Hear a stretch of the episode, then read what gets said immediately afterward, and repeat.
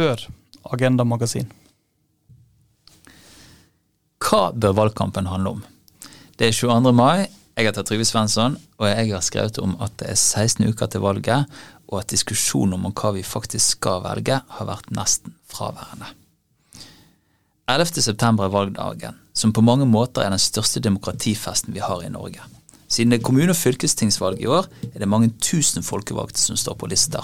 Altså langt flere enn de 169 som skal velges i 2025 for å avgjøre sammensetningen av Stortinget.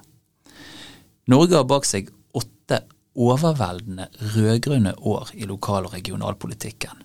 Ulike koalisjoner av partiene på sentrum-venstre har styrt alle de sentrale byene og regionene, Oslo, Bergen, Trondheim, Stavanger, Kristiansand har alle byrådsledere eller ordførere fra Arbeiderpartiet. Det samme gjelder Fredrikstad, Sarpsborg, Drammen, Porsgrunn, Skien, Ålesund, Haugesund, Bodø, Arendal og den lange rekken av mellomstore byer. Det er, for å si det grovt, to store styringspartier i lokalpolitikken. Det er Arbeiderpartiet og Senterpartiet, som har henholdsvis 144 og 132 ordførere. Oslo er i en særstilling pga. sin størrelse, og siden Senterpartiet sannsynligvis ikke spiller den avgjørende rollen. Høyre og Frp er stort sett utradert som styringspartier i kommuner og fylker. De har beholdt makten i de blåeste områdene som Asker, Bærum, Molde og Sandefjord, men lokalpolitisk har det i det stille foregått et temmelig stort maktskifte, og høyresiden sitter uten styringserfaring de fleste steder. Man kan spørre seg om det overveldende rød-grønne flertall som har styrt lokalpolitiske Norge de siste årene, gjør at de reelle konfliktlinjene forsvinner. Mange har kommentert at Høyre det siste året har tjent godt på å sitte stille i båten og snakke minst mulig om egne politiske posisjoner, i en tid hvor mange har fått mindre å rutte med på grunn av global og brått skjør av energikrise, inflasjon og krig. Vil journalister og politikere klare å få fram hva lokal- og fylkestingsvalget først og fremst handler om? Det gjenstår å se. En kommune eller et fylke driver med svært mye forskjellig, fra vann og avløp til vaksinestasjoner, fra flerbrukshaler til fylkesveier. Men de tre store er som alltid skole, helse og omsorg. Det er de tre som påvirker livene våre mest direkte. Hovedkonflikten vil være, som alltid, skal vi ha flere og mer private aktører til å drive velferd, hvor mye skal fellesskapet ta seg av, og hvor mye skal være opp til den enkeltes lommebok.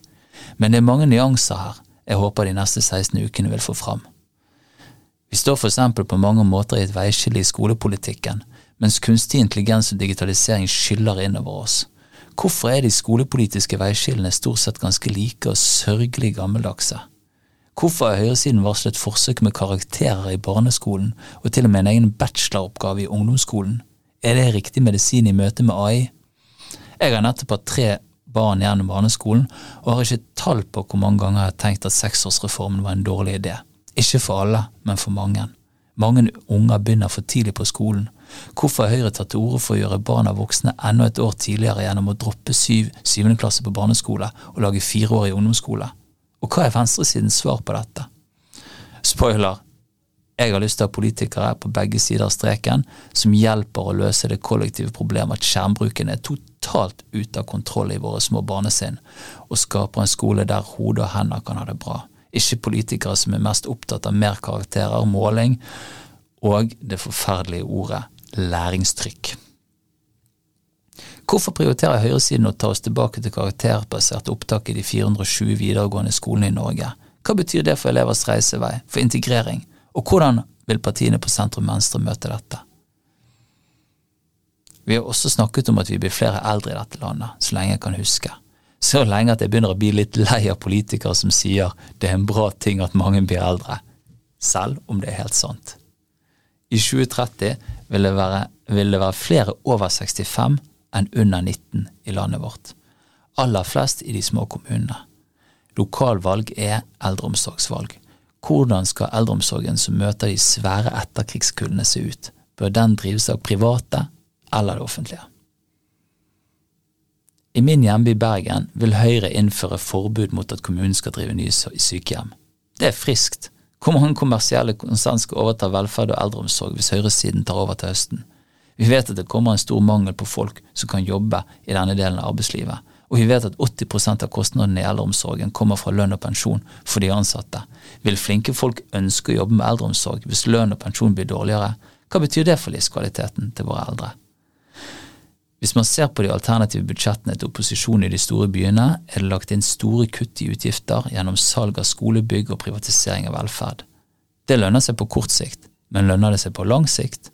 Hvordan ser Norge ut i 2030 hvis offentlige bygg er solgt, sykehjem privatisert og skolen mer karakterstyrt? Og hva er venstresidens visjon for det lokale og nære Norge?